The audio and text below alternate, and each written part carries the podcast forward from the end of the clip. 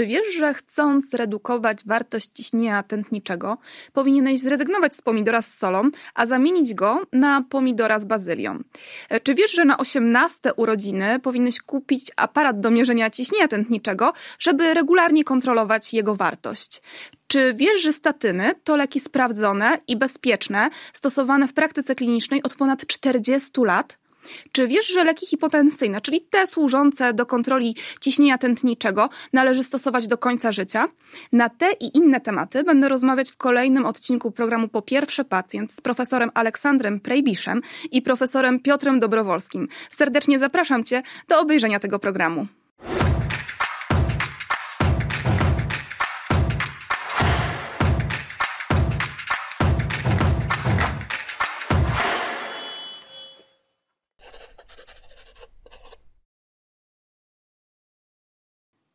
Dzień dobry, Monika Rachtan. Witam Państwa w kolejnym odcinku programu Po pierwsze pacjent, a dziś moim, ale przede wszystkim Waszym gościem jest profesor Piotr Dobrowolski i profesor Aleksander Prejbisz. Witam Panów bardzo serdecznie. Dzień dobry. Dzień dobry Pani redaktor. Dzień dobry Państwu. E, dzisiaj będziemy mówić o prewencji nadciśnienia tętniczego, e, o tym, co zrobić, żeby go nie mieć i co zrobić, jak go mamy, jak sobie z tym problemem poradzić, do jakiego lekarza się udać. Postaramy się mówić językiem pacjentów. Przypominam, że to program dla pacjentów, więc bardzo proszę, e, żeby panowie nie używali trudnych zwrotów, tylko wszystko, co Szary Kowalski może zrozumieć i na koniec będą pytania z grup, bo ja tutaj takie pytania zbieram i przedstawiam naszym ekspertom. No i też od razu e, chciałabym zaapelować, że nie ma głupich pytań, Także proszę, tak. proszę o to, żeby te odpowiedzi były faktycznie do pacjentów. Dobrze, więc wracam do tej e, prewencji nadciśnienia tętniczego i zapytam od razu e, pana profesora Plejbisza, e, kiedy powinnam zamówić u moich znajomych ciśnieniomierz, na które urodziny? Jako prezent. Na 18. Dlaczego na 18? Tak wcześnie? Wytyczne polskie, Polskiego Towarzystwa Nadciśnienia Tętniczego, ale również eksperci mówią, że każdy z nas powinien zmierzyć ciśnienie tętnicze raz do roku. Oczywiście nie musi pani mieć własnego ciśnieniomierza, ale raz do roku mierzymy ciśnienie tętnicze. To jest niezmiernie ważne. Oczywiście nacisk kładziemy na osoby w wieku średnim, wieku podeszłym, mhm. ale również młoda osoba powinna mieć mierzone ciśnienie tętnicze. Ja myślę, że to też, nie wiem, czy Piotr się zgodzi, że ze mną szczególnie też dotyczy kobiet, tak? My leczymy też, często przyjmujemy pacjentki z naciśnieniem tętniczym w ciąży i okazuje się, że nie, wie, nie wiedzą, jakie miały ciśnienie przed ciążą, tak? I to jest często bardzo ważne, bo my musimy zróżnicować, czy to jest naciśnienie wywołane ciążą, czy naciśnienie, które było przed ciążą. A nagle mhm. się okazuje, że przez całe życie nie mierzyła do tej pory ciśnienia tętniczego. Ale również naciśnienie tętnicze może być w 18-19 roku życia, a więc każdy z nas powinien raz do roku mierzyć ciśnienie tętnicze. To takie zaskakujące, co pan e, profesor powiedział, bo ja, pan, pan, profesor mierzył ciśnienie, jak miał 18 lat, jeszcze wtedy nie był na medycynie, więc... Mm, nie mierzyłem, ale teraz będę bym mierzył. Zdecydowanie e, czasy się zmieniają i podejście się zmienia, jak również no, mamy dużo badań potwierdzających, że właśnie im szybciej, tym e, lepiej. Profesor Prejbisz jest już starszym człowiekiem. Te badania i te standardy były zupełnie inne w tamtych czasach prehistorycznych, jak teraz. Teraz wiemy już że zdecydowanie, że im szybciej, tym lepiej. Dlaczego? Tak naprawdę, że bo wiemy, że im dłuższe narażenie na wysoką wartość ciśnienia tętniczego, tym gorzej. I pewnie o tym jeszcze będziemy rozmawiać. Czy bo też jest ważne, że my nie, nie musimy mieć ciśnieniomierza, tak? ale dostępność jest bardzo duża. Dokładnie praktycznie rodzice, dziadkowie, wujostwo, znajomi Apteka. w aptece, mają ciś, ciśnieniomierz. Chociaż ja bym bardziej skupił się na tych pomiarach domowych, bo w aptece to często nie mam mo możliwości zmierzenia ciśnienia tętniczego, jest gwar, ruch. Mhm. Oczywiście, jeżeli nie mamy innego dostępu, to też warto zmierzyć, ale na pewno ktoś z naszych znajomych z rodziny ma ciśnieniomierz, jesteśmy nawet na spotkaniu, a zmierzę sobie ciśnienie tętnicze, warto. Zawsze pamiętajmy u cioci na imieninach nie tylko goloneczka, ale również pomiar ciśnienia tętniczego. to jest tą radą. Państwa zostawiam. Pan profesor Dobrowolski powiedział, że czasy się zmieniły i że młodzi ludzie coraz bardziej interesują się swoim zdrowiem. Ja chciałam powiedzieć, że też zauważyłam to, że tak jest, a przynajmniej bardzo bym chciała, żeby tak było. I na TikToku, Instagramie mamy taki kanał 10 sekund o zdrowiu i myślę, że dziś powiem o tym, że kiedy masz 18 lat, warto, żebyś zmierzył e, swoje ciśnienie tętnicze, bo tak e, panowie profesorowie radzą, więc pozwolę sobie wykorzystać tą ważną informacje. E, a w jakim wieku mogą pojawić się pierwsze objawy nadciśnienia tętniczego? E, pani redaktor, po pierwsze zacznijmy od tego, że nad, nad objawów nadciśnienia tętniczego najczęściej nie ma. Mhm. Tak naprawdę podwyższone wartości ciśnienia tętniczego są, nie bolą. Oczywiście część, część mała, mniejsza grupa pacjentów będzie miała niespecyficzne objawy. Pamiętajmy, to są niespecyficzne objawy, jak bóle głowy, szumy w uszach, zawroty głowy, czy ogólne gorsze samopoczucie. Ale jako takiego jednego patognomonicznego objawu, patognomonicznego, który, e, to znaczy takiego, który występuje dla danej jednostki chorobowej, choćby ból w klatce piersiowej dla mhm. zawału serca, dla nadciśnienia tętniczego nie mamy. I dlatego też, tu jest ważne to powrót do poprzedniego, poprzedniego pytania, że my powinniśmy wyprzedzać roz, rozpoznanie, wyprzedzać długo, długie trwanie wysokich wartości ciśnienia tętniczego. Dlatego też, tak jak powiedział Alek, rozpoczęcie pierwszego pomiaru ciśnienia tętniczego w 18 urodziny. Okej, okay, to ja teraz zapytam, czy. Hmm, chciałam zapytać, czy można zapobiec objawom, ale jak ich nie ma, no to w sumie e, ciężko, ciężko mówić o tym, żeby im jakoś zapobiegać, ale może zapytam o to. Um, czy ja mogę zrobić coś dla siebie, oprócz tego, że mierzyć e, te wartości ciśnienia tętniczego jako młody człowiek, za którego się jeszcze uważam, nie wiem czy słusznie, ale załóżmy, że, że młody człowiek, żeby to nadciśnienie u mnie nie wystąpiło? To znaczy, musimy sobie uświadomić, co to jest nadciśnienie tętnicze. Nadciśnienie tętnicze to jest pewien próg ciśnienia, od którego uznajemy, że trzeba włączyć leczenie, bo obniżenie ciśnienia tętniczego przyniesie korzyści w, w, postaci na przykład wydłużenia życia. Z drugiej strony trzeba też popatrzeć, skąd się bierze wyższe ciśnienie tętnicze, żeby odpowiedzieć na pytanie, pani redaktor. Oczywiście mamy genetykę, i ta genetyka ustala u nas, u każdej osoby to ciśnienie na jakimś poziomie. I na ten genetycznie uwarunkowaną wysokość ciśnienia tętniczego dodajemy kolejne elementy związane ze stylem życia. Mhm. Wiemy, i to jest udowodnione, że w populacjach, które nie mają cywilizacji, żyją w Puszczy Amazońskiej, nie ma nadciśnienia tętniczego. I nie ma również drugiego elementu, który też jest ważny, bo często pacjenci się dziwią, że 10 lat temu miałem prawidłowe, teraz mam podwyższone ciśnienie. Nadciśnienie rośnie wraz z wiekiem. I tego też w jakiś sposób nie jesteśmy do końca w stanie mhm. zatrzymać. Gdybyśmy nie żyli w cywilizacji, pewnie to ciśnienie rosłoby bardzo powoli. A więc wszystkie te elementy stylu życia, o których będziemy jeszcze dzisiaj tu pewnie mówić wielokrotnie, związane z ruchem, aktywnością, dietą, niesoleniem, niepiciem alkoholu, z zachowaniem prawidłowej masy tytoniu. ciała, niepaleniem tytoniu, to wszystko dodaje plus stres, plus życie, bagaż życiowy dodaje nam kolejne milimetry słupa rtęci poprzez e, całe życie Także w pewnym momencie osiągamy ten próg naciśnienia tętniczego. Praktycznie wszystkim nam grozi naciśnienie, bo w wieku 80 lat 80% populacji ma naciśnienie tętnicze, czy wartość ciśnienia powyżej. Tylko kwestia jest, kiedy do tych wartości dojdziemy. Mm, powiedział pan profesor, że za chwilę porozmawiamy o tym zdrowym stylu życia. Ja sobie już pozwolę o to zapytać, bo e, wcześniej, w kulisach, e, za kulisami mówiliśmy o tym, że panowie dają takie mocne wytyczne pacjentom. Musisz zacząć się ruszać, musisz zacząć zdrowo się odżywiać. Musisz zacząć, musisz przestać palić, nie zacząć palić, tylko musisz przestać palić. Jak to zrobić? No, niejednokrotnie jest to najtrudniejsze postępowanie.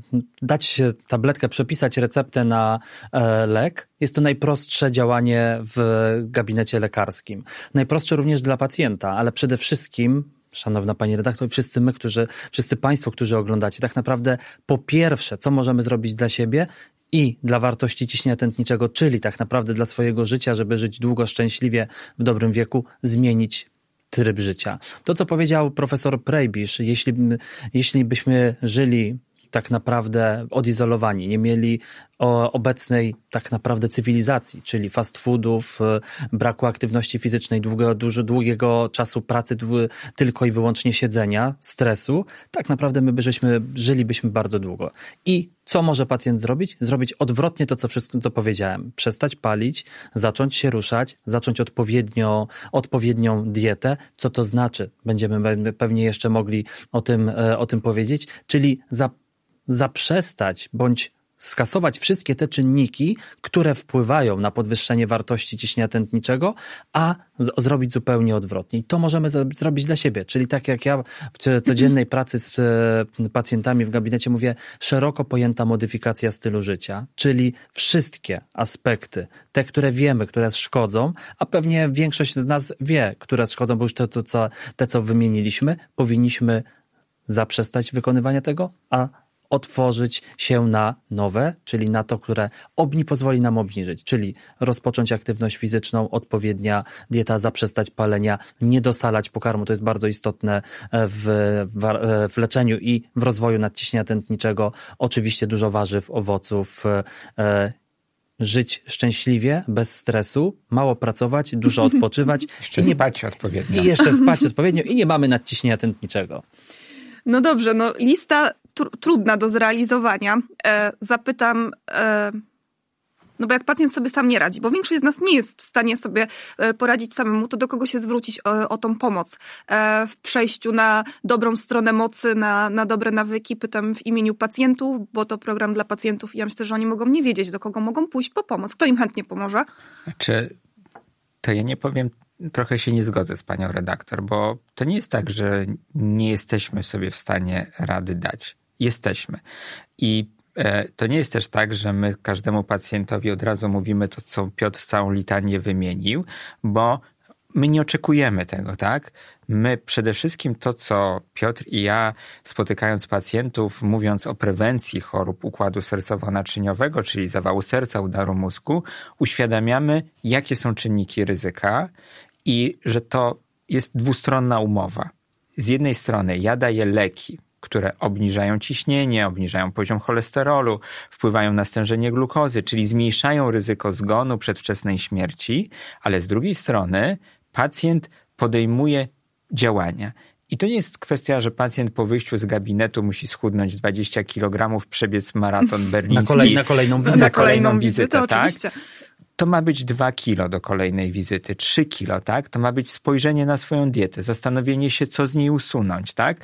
Przejść, rozpoczęcie spacerowania, ale y, rozmowa jak z partnerem, pokazanie, że to nie tylko tabletki, ale również to, co pacjent może zrobić. I każdy z nas może wiele rzeczy zrobić, bo to jest też uświadomienie pacjentowi, że to jest zasłanianie się, bo ja nie mam czasu. To nieprawda. Każdy z nas może poświęcić czas chociażby na przejście się na spacer. To już wystarczy. Wiemy, że 4 tysiące kroków dziennie, 7,5 tysiąca kroków dziennie już wpływa na zmniejszenie ryzyka sercowo-naczyniowego. Więc to nie chodzi o to, że mamy oczekiwać, że pacjent będzie przenosił góry. To mają być malutkie zmiany w życiu. Mm, Ja myślę, że pacjentowi o wiele łatwiej jest, kiedy trafia do gabinetu e, pana profesora czy pana profesora, którzy mają czas i chęć pacjentowi to wytłumaczyć. Ale najczęściej jest tak, że jednak pacjenci słyszą od lekarza, proszę schudnąć i więcej się ruszać. I na tym się kończy. Dlatego oni są zniechęceni, o czym ja powiedziałam. Em, Pacjent powinien trochę podrążyć, jak ten lekarz mu powie, proszę schudnąć i e, więcej się ruszać. Powinien zapytać tego lekarza. Wolno mu w ogóle pytać takie rzeczy lekarza. Boją się pacjenci lekarzy.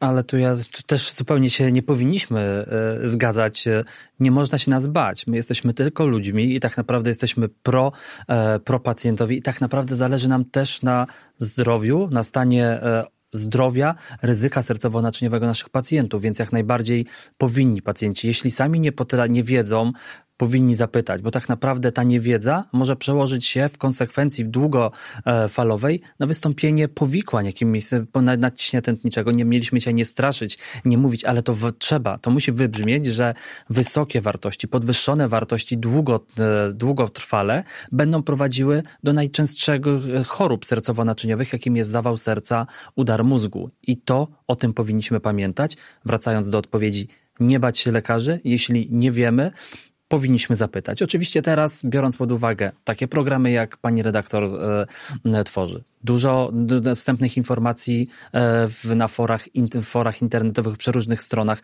możemy zobaczyć, jak tak naprawdę powinniśmy i co, co możemy zrobić. Ruch tak naprawdę prosta wskazówka, szanowni państwo. Zacząć, wstać z kanapy, zacząć się ruszać. To nie musi być od razu szermierka, jazda konna czy tenis. To tak naprawdę, tak jak Alek powiedział, zwykły spacer, coraz więcej osób z nas, coraz więcej mamy krokomierze, zegarki, które liczą kroki. Wystarczy prosty, prosty mechanizm ustawić sobie pewną, e, pewien cel, tak jak ja mam ustawiony akurat nie w tym zegarku, pewien cel e, kroków, spalania kalorii, e, aktywności, e, na, e, aktywności czy czuwania i osiągać to, starać się z dnia na dzień coraz więcej kroków i osiągając, osiągając te cele, będziemy sobie poprawiali swoje ryzyko sercowo-naczyniowe, czyli poprawiali swoją przyszłość.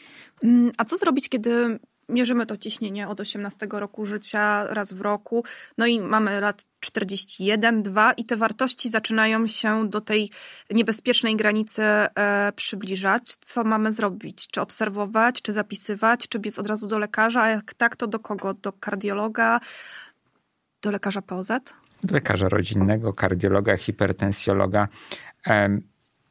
Generalnie jest tak, że kiedyś było tak, oczywiście Piotr, tak jak już wspomniał, wypomniał mi mój wiek, rzeczywiście było tak, że na przykład czy w cukrzycy, czy w naciśnieniu tętniczym był ten taki okres modyfikacji stylu życia, tak zwanej, czyli dawaliśmy pacjentowi rok na zmodyfikowanie stylu życia i pacjent po roku tych prób e, miał, jeżeli było to nieskuteczne, włączaną terapię czy naciśnienia tętniczego, czy zaburzeń lipidowych, czy e, cukrzycy. Ale teraz większość wytycznych zrezygnowała z tego momentu. Nie dlatego, że nie wierzymy w pacjenta, tak? To żeby było jasno powiedziane. Ale dlatego, że wiemy, że im szybciej obniżymy ciśnienie tętnicze, im szybciej obniżymy stężenie cholesterolu, im szybciej obniżymy stężenie glukozy, tym e, lepiej pomożemy pacjentowi. Bo Piotr o tym już zaczął mówić, że bardzo ważne jest, my wiemy, jak długo pacjent jest narażony na dany czynnik ryzyka. To nie jest tak, że możemy sobie poczekać 10 lat, obniżymy sobie cholesterol czy ciśnienie tętnicze za 10 lat. Tak? Nie, bo my już 10 lat będziemy pod wpływem uszkadzającego wpływu tych czynników. Mm -hmm. W związku z tym my na to zwracamy uwagę. Wiemy, że jeżeli osoba ma podwyższone ciśnienie w 40 roku życia, będzie miała demencję w 70 roku życia szybciej, częściej, tak? Niekoniecznie demencję, ale zaburzenia funkcji poznawczych, mhm. bo dochodzi do uszkodzenia istoty białej, są takie mikrowylewy, w związku z tym zmniejsza się gęstość naczyń ośrodkowego układu nerwowego i to prowadzi do zaburzeń funkcji poznawczych za 20-30 lat. I to jest też bardzo ważne, że my często mamy 30-40 latka, który no ale przecież jestem zdrowy, tak? Mhm. Wszystko jest, mi nic nie jest.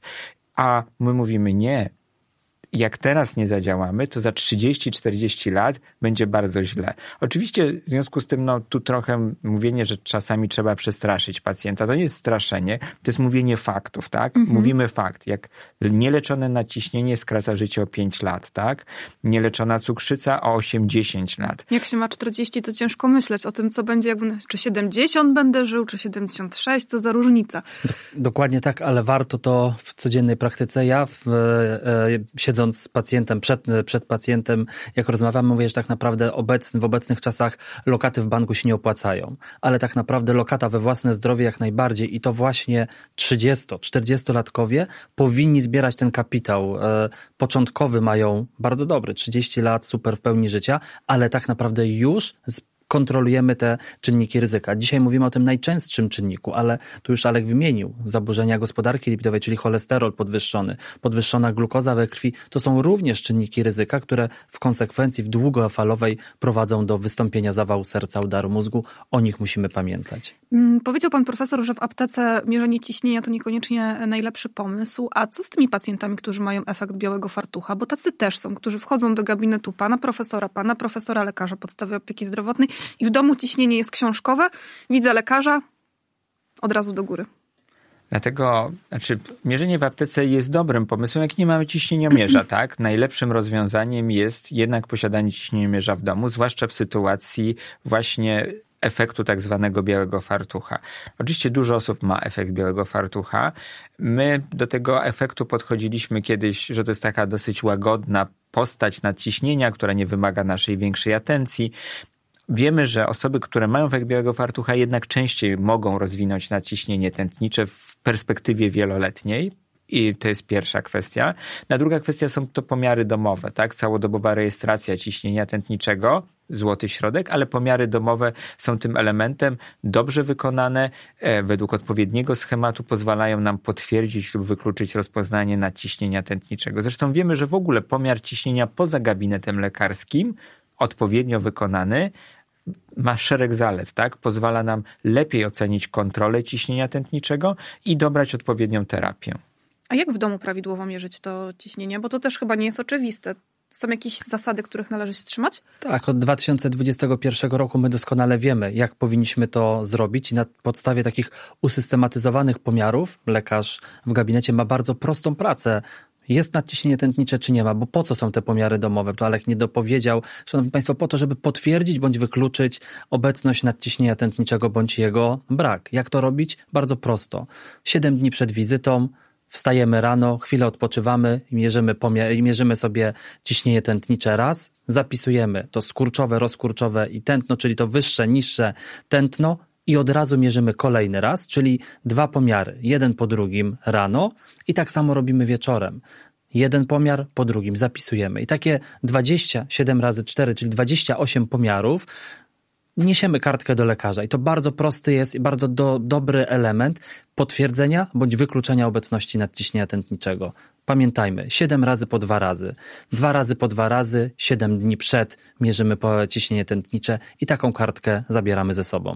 To bardzo ważne, o czym pan profesor powiedział, bo ja chciałam też o to zapytać, a dla wielu osób jakby samo mierzenie ciśnienia mi się wydaje, że już się leczą, tak? Że, że to już ich leczy, że właśnie tego faktu nie kojarzą, że jeżeli zapiszą, to trzeba wziąć tą kartkę do ręki i zanieść lekarzowi, bo pan profesor nie ma w gabinecie jeszcze takiego urządzenia, które e, pozwoliłoby e, tą kartkę na odległość przeczytać, więc to jest bardzo ważne. Pacjenci o tym zapominają, więc apel ze strony panów profesorów, no i też mój, żeby o tej kartce pamiętać. Zdecydowanie tak, to bardzo ważne, a Ale bardzo jeszcze, ułatwia pracę. Jeszcze bym dodał, że tu jest jeszcze dwa ważne elementy w pomiarze ciśnienia. To jest przede wszystkim ciśnieniomierz, którym mhm. wykonujemy ten pomiar ciśnienia i od tego roku pod patronatem Polskiego Towarzystwa Naciśnienia Tętniczego dla Pacjentów jest też strona www.dobrzemierze.pl.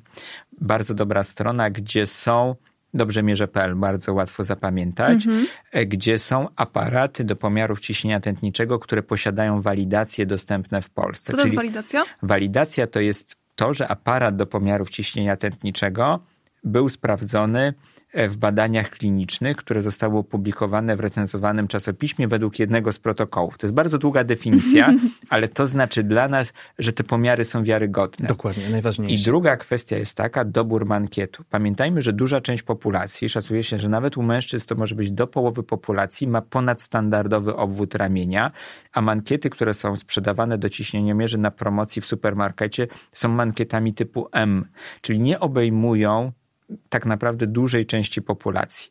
W związku z tym te walidowane aparaty, o których mówimy, najczęściej mają w tej chwili takie aparaty nowej generacji ML, czyli mm -hmm. jeden mankiet, mankiet, jeden mankiet ma zarówno rozmiar średni, jak i duży i to się szacuje, że to jest nawet 90% populacji ponad jest w stanie zmierzyć tym jednym mankietem pomiar ciśnienia tętniczego. Ja tu ukradnę Piotrowi jego myśl, bo on zawsze... Już myślałem, że się wtrącę. zawsze mówi, że to jest i dla męża, i dla żony. Albo partnera, partnerki. Tak. Więc pomiar, uniwersalny. Uniwersalny mankiet, bo posiada ten... Bardzo często niestety, ale pomiar jest wykonywany zbyt małym mankietem do pomiarów ciśnienia tętniczego. Te aparaty walidowane nie są wiele droższe. Część pacjentów mówi, że jaki mają aparat, mają aparat z apteki, tak? Niestety, ale czasami zdarza się, że w aptece nie ma aparatów z walidacją, więc warto na tej stronie sprawdzić, kupić taki aparat, jaki jest na tej stronie, który mm -hmm. posiada walidację. Szanowni Państwo, pamiętamy dobrzemierze.pl tam też e, dowiecie się Państwo, jak prawidłowo mierzyć ciśnienie tętnicze, bo to w sumie niby każdy wie, jak zmierzyć ciśnienie tętnicze, ale tak nie do końca jest. No Więc właśnie. tam bardzo, bardzo dobrze jest opisane, czego nie powinniśmy robić, a co powinniśmy zrobić w trakcie, przed i po, e, po pomiarze. I ta siedmiodniowa kartka również jest do, do e, na tej stronie do, do ściągnięcia. Tak. tak. Super, to zapraszamy wszystkich pacjentów na tą stronę internetową. My też podlinkujemy tutaj, żeby Państwo nie mieli żadnych wątpliwości, jaki jest ten adres, ale zapytam o jeszcze jedną ważną rzecz. Czy jeżeli jednak jakoś mi ta strona nie pomogła, chociaż w ogóle nie zakładam, że tak by się mogło wydarzyć, to czy mogę wziąć ciśnieniomierz i przyjść do pana profesora, do pana profesora albo do innego lekarza i pokazać, jak mierzę ciśnienie? Oczywiście, że tak. Nawet nie można, tylko oczywiście się powinno. Jeśli mamy jakiekolwiek wątpliwości co do pomiarów, powinniśmy tak zrobić i nikt z lekarzy, lekarek nie powinien mieć żadnego ale. Znaczy, ja jest tak, że ja często zapraszam pacjenta mhm. ze swoim aparatem, bo porównuję, czy rzeczywiście dobrze mierzy ciśnienie. To zwłaszcza jak ja widzę, że jest jakaś rozbieżność pomiędzy tym, co zmierzę w gabinecie, a jego pomiarami domowymi, albo jest duża zmienność domowych pomiarów ciśnienia tętniczego, albo mam jakąś wątpliwość, czy w porównaniu do całodobowej rejestracji, zawsze zapraszam z ciśnieniomierzem i oglądamy, mierzymy mhm. To bardzo ważna informacja. Ja również wszystkich namawiam, żeby z ciśnieniomierzem do swojego lekarza się wybrać. E, zapytam pana profesora, e, co dalej, jak już mam te złe wartości ciśnienia tętniczego. E, widzę, że one są niedobre. Idę do lekarza. I teraz jak będzie wyglądała dalej moja, jak będzie wyglądała dalej moja ścieżka diagnostyczna, terapeutyczna, co się wydarzy? No, musimy abstrahując od strony diagnostycznej, ale już jeżeli terapeutycznej, to najczęściej jest tak, że podpisujemy tą obustronną umowę, mm -hmm. tak? Mhm. Okay. Czyli rozpoczynamy leczenie. W zasadzie wytyczne mówią nam, że w bardzo małym odsetku możemy odstąpić, chwilę poczekać, rozpoczynamy leczenie i w tej chwili nawet mówi się, że rozpoczynamy od dwóch leków, tak? Żeby zadziałać mm -hmm. szybko. Nie boimy się tego, bo to nie spowoduje, że pacjent następnego dnia będzie miał super niskie ciśnienie. Jest to bezpieczne, Możemy również to w tej chwili te dwa leki połączyć w jednej tabletce, czyli dać preparat złożony i od niego rozpocząć mhm. terapię naciśnienia tętniczego. Pacjent przyjmuje jedną tabletkę, a nawet pół tabletki. Są tam dwie substancje czynne i bardzo dobrze możemy kontrolować ciśnienie, bo to może się okazać u dwóch trzecich pacjentów, że będziemy dobrze kontrolowali ciśnienie tętnicze. Ale pamiętajmy, szanowni państwo, że niestety jak już podpisujemy cyrograf z diabłem, profesorem Prejbiszem, to niestety już podpisujemy do, prawie do końca, do końca życia. To pewnie jeszcze o tym będziemy mówić, ale żeby leczyć i odpowiednio leczyć ciśnienie tętnicze, my musimy, to jest choroba przewlekła i my nie leczymy tak naprawdę, nie mamy terapii genowej, że jedną śrubeczkę zakręcamy i nie ma nadciśnienia tętniczego. My leczymy objawowo, to leki pod które podajemy na nadciśnienie tętnicze, leczą, są to tylko leki objawowe, więc musimy brać. A tylko te leki działają, które je przyjmujemy. A ja wiem, że nasi pacjenci niestety, kiedy te wartości się wyrównują, w dzienniczku wszystko wygląda pięknie, e, lekarze są zadowoleni z efektów, po cichu odstawiają, a to jedną tableteczkę, a to drugą, jak padnie na to na nadciśnienie tętnicze, to już nie biorą. No właśnie i co się wtedy może wydarzyć? Mieliśmy nie straszyć, ale zapytam, co się może wydarzyć, kiedy sobie sami odstawimy takie leczenie? No będziemy mieli nadal nieleczone nadciśnienie, tak? Bo tu jest trochę tak y, w leczeniu wszystkich tych czynników, o których mówimy, o, tak długo je leczymy, jak przyjmujemy tabletki, tak? W momencie odstawienia tabletek te czynniki wracają do poziomu wyjścia.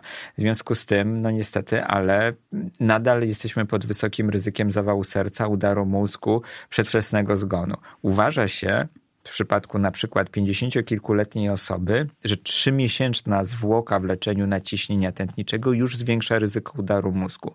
A więc w ciągu tych trzech miesięcy. Mhm. A więc to naprawdę jest ważne, żebyśmy tą terapię brali regularnie. To nie jest problem przyjmować jedną tabletkę rano. W związku z tym my też uważamy, że ta prostota terapii, tak? Jedna tabletka rano. Dwa leki. Dwa leki. Jeżeli to nie skutkuje, mamy w tej chwili tak zwane trójtabletki. Mhm. Czyli nadal w jednej tabletce mamy trzy substancje czynne. Nie może być prościej. Nie może być prościej już, tak? W związku z tym rano łatwo jest pamiętać o przyjęciu leków. Czasami oczywiście są jeszcze lekarze, którzy stosują skomplikowane schematy terapii. W niektórych przypadkach jest to uzasadnione, ale w niektórych możemy to uprościć, tak? Pomóc pacjentowi, bo to pewnie jeszcze do tego dojdziemy zaraz, co pani wspominała o tej diagnostyce. Pacjent nie ma tylko naciśnienia tętniczego. Mhm. My musimy spojrzeć jeszcze na inne czynniki ryzyka sercowo-naczyniowego. To jest bardzo często tak, że pacjent przychodzi do mnie na naciśnienie i jest zdziwiony, że ja go pytam o cholesterol, o glukozę, kiedy miał te pomiary, zajmuję się jego otyłością. Patrzę całościowo na pacjenta, na wszystkie jego czynniki ryzyka wystąpienia zawału serca czy udaru mózgu, bo my musimy wszystko kontrolować. Mhm. Tak naprawdę zwracamy uwagę na 10 wykładników stanu zdrowia, e, Amerykanie mówią o zdrowej ósemce życia, w Polsce ją ekstrapolowaliśmy i mówimy o zdrowej dziesiątce życia, po to właśnie, żeby żyć jak najdłużej. Chciałabym zapytać jeszcze, e, jak już pacjent ma to nadciśnienie tętnicze, pojawiły się inne czynniki ryzyka, to czy to jest tak, że on już jest takim bardzo schorowanym człowiekiem w wieku tych pięćdziesięciu kilku lat i no, jest bardzo zagrożony tym zawałem, udarem, czy jednak kiedy zajmie się nim odpowiedni zespół specjalistów, da mu te leki, e, to czy on dalej może być sprawnym e, człowiekiem, który jeździ na rowerze, chodzi do pracy i...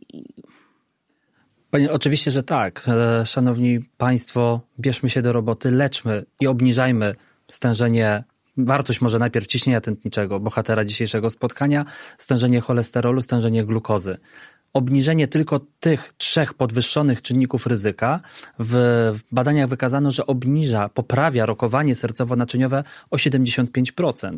Czyli zdecydowanie, pamiętajmy, jesteśmy bardziej zdrowi, a poza, poza tym jak obniżamy wartość ciśnienia tętniczego, my jesteśmy nie mniej narażeni na zawał serca, udar mózgu, czyli lecząc się odpowiednio, odpowiednio kontrolując ciśnienie tętnicze, jesteśmy zdrowsi. Pamiętajmy, oczywiście będziemy musieli stosować jakieś tabletki, ale ząb czasu każdego dotknie. Profesora Prejbisza już dotknął, mnie za chwilę, panią redaktor pewnie najpóźniej, e, najpóźniej e, dotknie i wtedy musimy stosować. Ale pamiętajmy, szanowni państwo, powinniśmy też od naszych lekarzy wymagać prostych schematów terapeutycznych, to co powiedział Alek. My mamy teraz preparaty złożone w leczeniu nadciśnienia tętniczego, ale możemy też mieć preparaty złożone w leczeniu zaburzeń gospodarki lipidowej czy cukrzycy. I to wystarczy tak naprawdę. Będziemy przyjmowali trzy leki, ale to będą tak naprawdę trzy leki życia. My będziemy sobie wydłużali nimi życie, na pewno również poprawiając jego jakość. Czyli jesteśmy zdrowi. Mamy rozpoznaną chorobę, ale jesteśmy w stanie ją ujarzmić. W zaburzeniach lipidowych stosuje się leki, których pacjenci nie cierpią i w ogóle całe zło świata przypisują tym lekom. Możemy to sprostować. E, czy faktycznie jest tak, że te leki, które przyjmuje się właśnie w zaburzeniach lipidowych, ale też w nadciśnieniu tętniczym, to są leki, które mogą mm, powodować bardzo poważne skutki uboczne, czy jest to leczenie bezpieczne? Czy to jest leczenie bardzo bezpieczne i e, to oczywiście Piotr jest tutaj ekspertem statynowym, ale obaj zajmujemy się tym zagadnieniem dezinformacji, tak? Mm -hmm. Tym, co jest, bo pani redaktor mówi w tak zawolowany sposób po prostu o tym, że w internecie często się pisze, że statyny tak. po, zabijają, powodują różne... Ale leki hipotensyjne też można znaleźć tak, takie... Też można wszystkie, znaleźć, wszystkie tak. mogą zabić. Ale rzeczywiście statyny stały się takim złem tego świata. E, ja powiem tak, trochę nie rozumiem tego, a z drugiej strony być może my musimy się bić w pierś, bo za mało mówimy, tak? Za mało mówimy o tej dezinformacji, o szkodliwych informacjach, o tym, jak bardzo jest taka antycholesterolowa polityka, czy słyszymy, czy czytamy w mediach to, co można przeczytać na portalach społecznościowych, że nie można obniżać cholesterolu, mhm. że on jest niezbędny do życia. Jest absolutna nieprawda. Noworodek rodzi się z bardzo niskim stężeniem cholesterolu i sobie dobrze żyje, ma bardzo dużo neuronów i tworzą mu się nowe synapsy tak? Więc to nie jest, to tu absolutnie nie ma czegoś takiego, że jest zbyt niskie stężenie cholesterolu. Cholesterol im niższy, tym mniejsze ryzyko. Blaszki miażdżycowe nie tworzą się, jeżeli stężenie cholesterolu LDL, czyli tego złego cholesterolu wynosi 70 mg na decylitr. A więc to jest naprawdę niskie stężenie. Bardzo u osób w wieku 30, 40, 50 lat rzadko zdarza się tak niskie stężenie cholesterolu LDL. Mają najczęściej wyższe, czyli już takie, które sprzyja procesowi miażdżycowemu. A więc to też jest bardzo ważne, ale bardzo często ważna jest rozmowa z pacjentem, tak? Właśnie to, co Piotr mówi, to, co ja mówię, bo my nie mówimy pacjentowi, że leczymy jego liczbę, tak? Że pan musi mieć niższe ciśnienie. My tłumaczymy, dlaczego to musi być obniżone, dlaczego cholesterol musi być niższy, dlaczego musi być dobra kontrola glikemii, dlaczego, dlaczego trzeba schudnąć, tak? Nie dlatego, że, że będzie fajnie, bo zapiszę w karcie pacjenta, że są cele osiągnięte, tak? Mhm. To nie jest mój cel. Moim celem jest to, żeby pacjent żył dłużej, a tylko będzie żył dłużej, jak wszystkie czynniki ryzyka będą dobrze kontrolowane. I pamiętajmy, szanowni państwo, statyny są z nami prawie 40 lat i to są leki o największym, w największej liczbie badań z udowodnionym wpływem na poprawę zachorowalności, czyli zmniejszenie zachorowania na zawał serca, udar mózgu, jak również na zmniejszenie śmiertelności. Czyli pamiętajmy, nie czytajmy, a rozmawiajmy z lekarzami. No i tu akurat w tym miejscu muszę też powiedzieć, że rozmawiajmy z tymi lekarzami, którzy chcą rozmawiać, bo pewnie wśród nas, w środowisku lekarskim, też są takie osoby, które mogą mieć inne zdanie na temat statyn. Tych nie słuchajmy. W imieniu 40-latków, którzy już mierzą ciśnienie i kontrolują wszystko, wszystko jest w porządku, ale ich rodzice mają nadciśnienie tętnicze, mają te wszystkie czynniki ryzyka, i odstawiają sami leczenie. O tym już mówiliśmy. Co z takim rodzicem zrobić? Co by e, panowie profesorowie poradzili takiemu, e, takiemu dziecku? Jak do tych rodziców dotrzeć, żeby on brał jednak te leki? Przede wszystkim myślę, że nie wiem, czy się Alek ze mną zgodzisz, wytłumaczyć po pierwsze dlaczego i jakie konsekwencje rodzą wysokie wartości ciśnienia e, tętniczego. Może jak powiemy, że zawał serca, my się troszkę mniej już boimy zawału serca. Dlaczego? Dlatego, że mamy dobre leczenie, dobre leki, ale już udaru mózgu i konsekwencji powłóczenie nogą, opadnięty kącik ust, a teraz wiemy, że tak naprawdę zwyżki ciśnienia tętniczego to bardzo często udary niedokrwienne, jak również krwotoczne i z tego już tak łatwo nie wychodzimy, więc trzeba wyjaśnić rodzicom, wyjaśnić każdej osobie, każdemu pacjentowi dlaczego. Dlaczego warto i tu znowu wracamy do tego, co mówiliśmy, że najważniejsza jest informacja, po co my się leczymy. Tak naprawdę nie tylko po to, żeby pięknie w dzienniczku wyglądały liczby zapisane ciśnienia skurczowego i rozkurczowego, ale po to, żeby nie wystąpiły u nas powikłania wysokich wartości nadciśnienia tętniczego, czyli rozwój wszystkich chorób sercowo-naczyniowych na podłożu miażdżycy, ale najpoważniejszy to będzie zawał serca, udar mózgu, czyli przesłanie i rozmowa z osobą uświadomienie, że te leki, to co powiedzieliśmy, statyny, ale że leki na, na nadciśnienie są bardzo bezpieczne, mają bardzo mało działań niepożądanych. To są jedne z najmniej z leków, które mają najmniej działań niepożądanych, a dają tyle dobrego obniżając wartość ciśnienia tętniczego. Znowu jak mantrę, szanowni państwo, możecie się znudzić tym, co my dzisiaj powtarzamy, ale obniżymy ryzyko sercowo-naczyniowe. Ja zawsze mówię, że tak naprawdę co to znaczy to obniżenie ryzyka sercowo-naczyniowego? Że pacjent w wieku 80 lat pojedzie, poleci na Kanary, ale będzie po pierwsze wiedział, jak ma na nazwisko, jak ma na imię i co robi na tych Kanarach i co chce robić na tych Kanarach, a nie tylko poleci. I po to, szanowni państwo, jest leczenie nadciśnienia tętniczego i innych czynników ryzyka. Tak, bo to bardzo ważne jest to, żeby też uświadomić, że każdy z nas dożyje osiemdziesiątki, tak? Ale ważne jest w jakim stylu dożyjemy tej osiemdziesiątki. I Trzymam cię za słowo. Być może, być może ten czterdziestolatek, czterdziestolatka musi powiedzieć, mamo, tato, dożyjesz 80 lat, ale żeby cieszyć się z wnuków, prawnuków, żeby być temu świadomy, musisz się leczyć. Bo jak nie będziesz się leczyć, no nie będziesz już czerpać radości z życia, tak? I, i mieć, tej, mieć taką jakość życia, jaką byśmy chcieli, tak? No bo to o to też chodzi. To też bardzo jasno bardzo często trafia do chorych, właśnie pokazanie i my widzimy, że przychodzą 60-latkowie, 70-latkowie, którzy nie dbali o siebie, o ciśnienie tętnicze, no i widać, że już mają zaburzenia funkcji poznawczych, że ten jednak ten okres niedbania o siebie w wieku 40-50 lat, no sieje żniwa, jak to się mówi. To bardzo dobra kwestia, co poruszyłeś, bo tak faktycznie jest. Często równolatkowie porównują się do siebie. A, bo Krysia wygląda tak, a ja tak. To, szanowni państwo, to wynika właśnie z tego. Jak sobie pościelesz, tak się wyśpisz. I jak zadbasz o siebie w młodym wieku, tak będziesz wyglądać w wieku podeszłym. Zresztą kiedyś też takie sformułowanie z Piotrem e, na jednym z wykładów dla lekarzy, ale to jest myślę też, po, po, mówimy to też pacjentom, że leczenie naciśnienia tętniczego, leczenie cholesterolu, leczenie cukrzycy to jest anti-aging i to jest prawdziwy anti-aging. To nie jest szarlataneria e, medycyny statycznej, tylko to jest prawdziwa mhm. rzecz, bo generalnie pomaga również zachować e, elastyczność tętnic, za, pomaga zachować organizm w dobrym Świeżość stanie. i młodość. Co po nas tego, widać, prawda? Co z tego, że fasada będzie piękna, tak? Jak w środku mm. będzie ruina.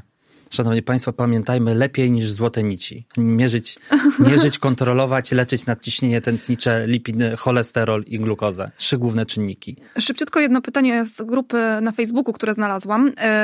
Panowie już wspominali o diecie i tutaj pani pisze, choruje na ciśnienie tętnicze, diagnozę dostałam, e, przepraszam, pan choruje na ciśnienie tętnicze, diagnozę dostałem w 2023 roku w maju. Lekarz oprócz tabletek kazał mi zredukować ilość soli w posiłkach. Nic mi nie wyjaśnił, po co mam to robić i o jakiej redukcji mowa. Czy posolony pomidor to już problem? Tak. Tak, bo generalnie spożycie soli w naszej diecie jest rzędu, średnio się uważa w Polsce 12 do 15 gramów, a powinniśmy mieć poniżej 6 gramów, tak? Poniżej 5 gramów. Poniżej 5-6 gramów, tak? To są takie różne podawane według różnych wytycznych e, punkty odcięcia. Pamiętajmy, że solniczka to jest 20 do 10% tego, co spożywamy w diecie. Najprościej ją usunąć, tak? Druga kwestia, i myślę, że najwięcej produktów solonych i tej soli najłatwiej jest produkty wysoko przetworzone. Im bardziej przetworzony produkt, czyli im bardziej taki kupny, wędlina, im, e, różne przetworzone gotowe produkty, tym więcej soli zawiera. To jest bardzo prosta zasada. Im mniej przetworzony produkt, tym mniej soli zawiera. W związku z tym pomidor tak, ale e, z e, bazylią, a nie z solą. Albo z pieprzem, ale szanowni państwo, jeszcze wracając do tego pierwszej części, dlaczego? Dlatego, że wiemy, że jony sodowe wy, e, powodują tak naprawdę wzrost wartości ciśnienia tętniczego i dlatego też my powinniśmy spożywać mniej tej soli, żeby nie dostarczać jonów sodowych do organizmu, bo to zwiększa czerpanie. Są trudne mechanizmy, nie będziemy ich teraz tłumaczyć, ale to prowadzi w konsekwencji do podwyższonych wartości ciśnienia tętniczego. Dlatego też mniej soli, tym lepiej. Pamiętajmy, bo powiedziałeś o różnych e, produktach. Szanowni Państwo, najczęstszy spożywany przez nas, nas, nas produkt pieczywo. Jest bardzo dużo soli w pieczywie. My sobie nawet tego nie uświadamiamy, ale spójrzmy czasem na E, kartkę, e, ile soli jest choćby albo w konserwowanych czy kupowanych wędlinach, szanowni państwo. Zobaczycie, jak dużo tam jest soli. Moja kanapka z pomidorem już nigdy nie będzie taka sama, ale Też trudno. będzie sam pomidor bez kanapki. I bazylia. bazylia. Zapytam na sam koniec już, bo musimy, musimy kończyć naszą rozmowę. Partnerem tego projektu, tego programu jest Instytut Praw Pacjenta i Edukacji Zdrowotnej, który wiele mówi o humanizacji medycyny. I chciałabym już jednym głosem zapytać, e, czym dla panów jest e, humanizacja medycyny? Jednym głosem poproszę odpowiedź. Znaczy, dla mnie zawsze jest tym, żeby postępować z pacjentem na zasadzie partnerstwa. Mhm. To nie jest tak, że pacjent przychodzi do mnie jak do wyroczni, do guru, który mu powie i będę obrażony, jak się nie zastosuje. Ja również chcę usłyszeć głos pacjenta, tak? Żeby on powiedział, co mu nie pasuje, zapytał się, czy rzeczywiście tak musi, rozwiać wszystkie jego wątpliwości, ale również to, co mówiliśmy o tej umowie dwustronnej, tak? Mhm. Powiedzieć mu, że to jest i moje staranie, i jego staranie. Dla mnie humanizacją jest to, żeby po pierwsze dbać o pacjenta, ale po drugie, ja stawiam się zawsze i tak w codziennej praktyce postępuję, że ja widzę siebie jako pacjenta i chcę być tak traktowany. Ja traktuję pacjentów tak, jak ja bym chciał być traktowany, będąc po drugiej stronie. Przede wszystkim widzieć w człowieku człowieka, w pacjencie człowieka. Bardzo dziękuję za naszą dzisiejszą rozmowę. Myślę, że dzisiaj wszystkie solniczki e, zostaną opróżnione. Moja kolacja, tak jak mówiłam, będzie, będzie sam pomidor, ale, ale wszystko to dla zdrowia. I zdrowia właśnie dzisiaj Państwu życzymy. E, panu profesorom bardzo dziękuję za ciekawą rozmowę, za to, że znaleźli dla nas czas, a Państwu dziękujemy za uwagę. Dziękujemy za zaproszenie. Dziękujemy bardzo.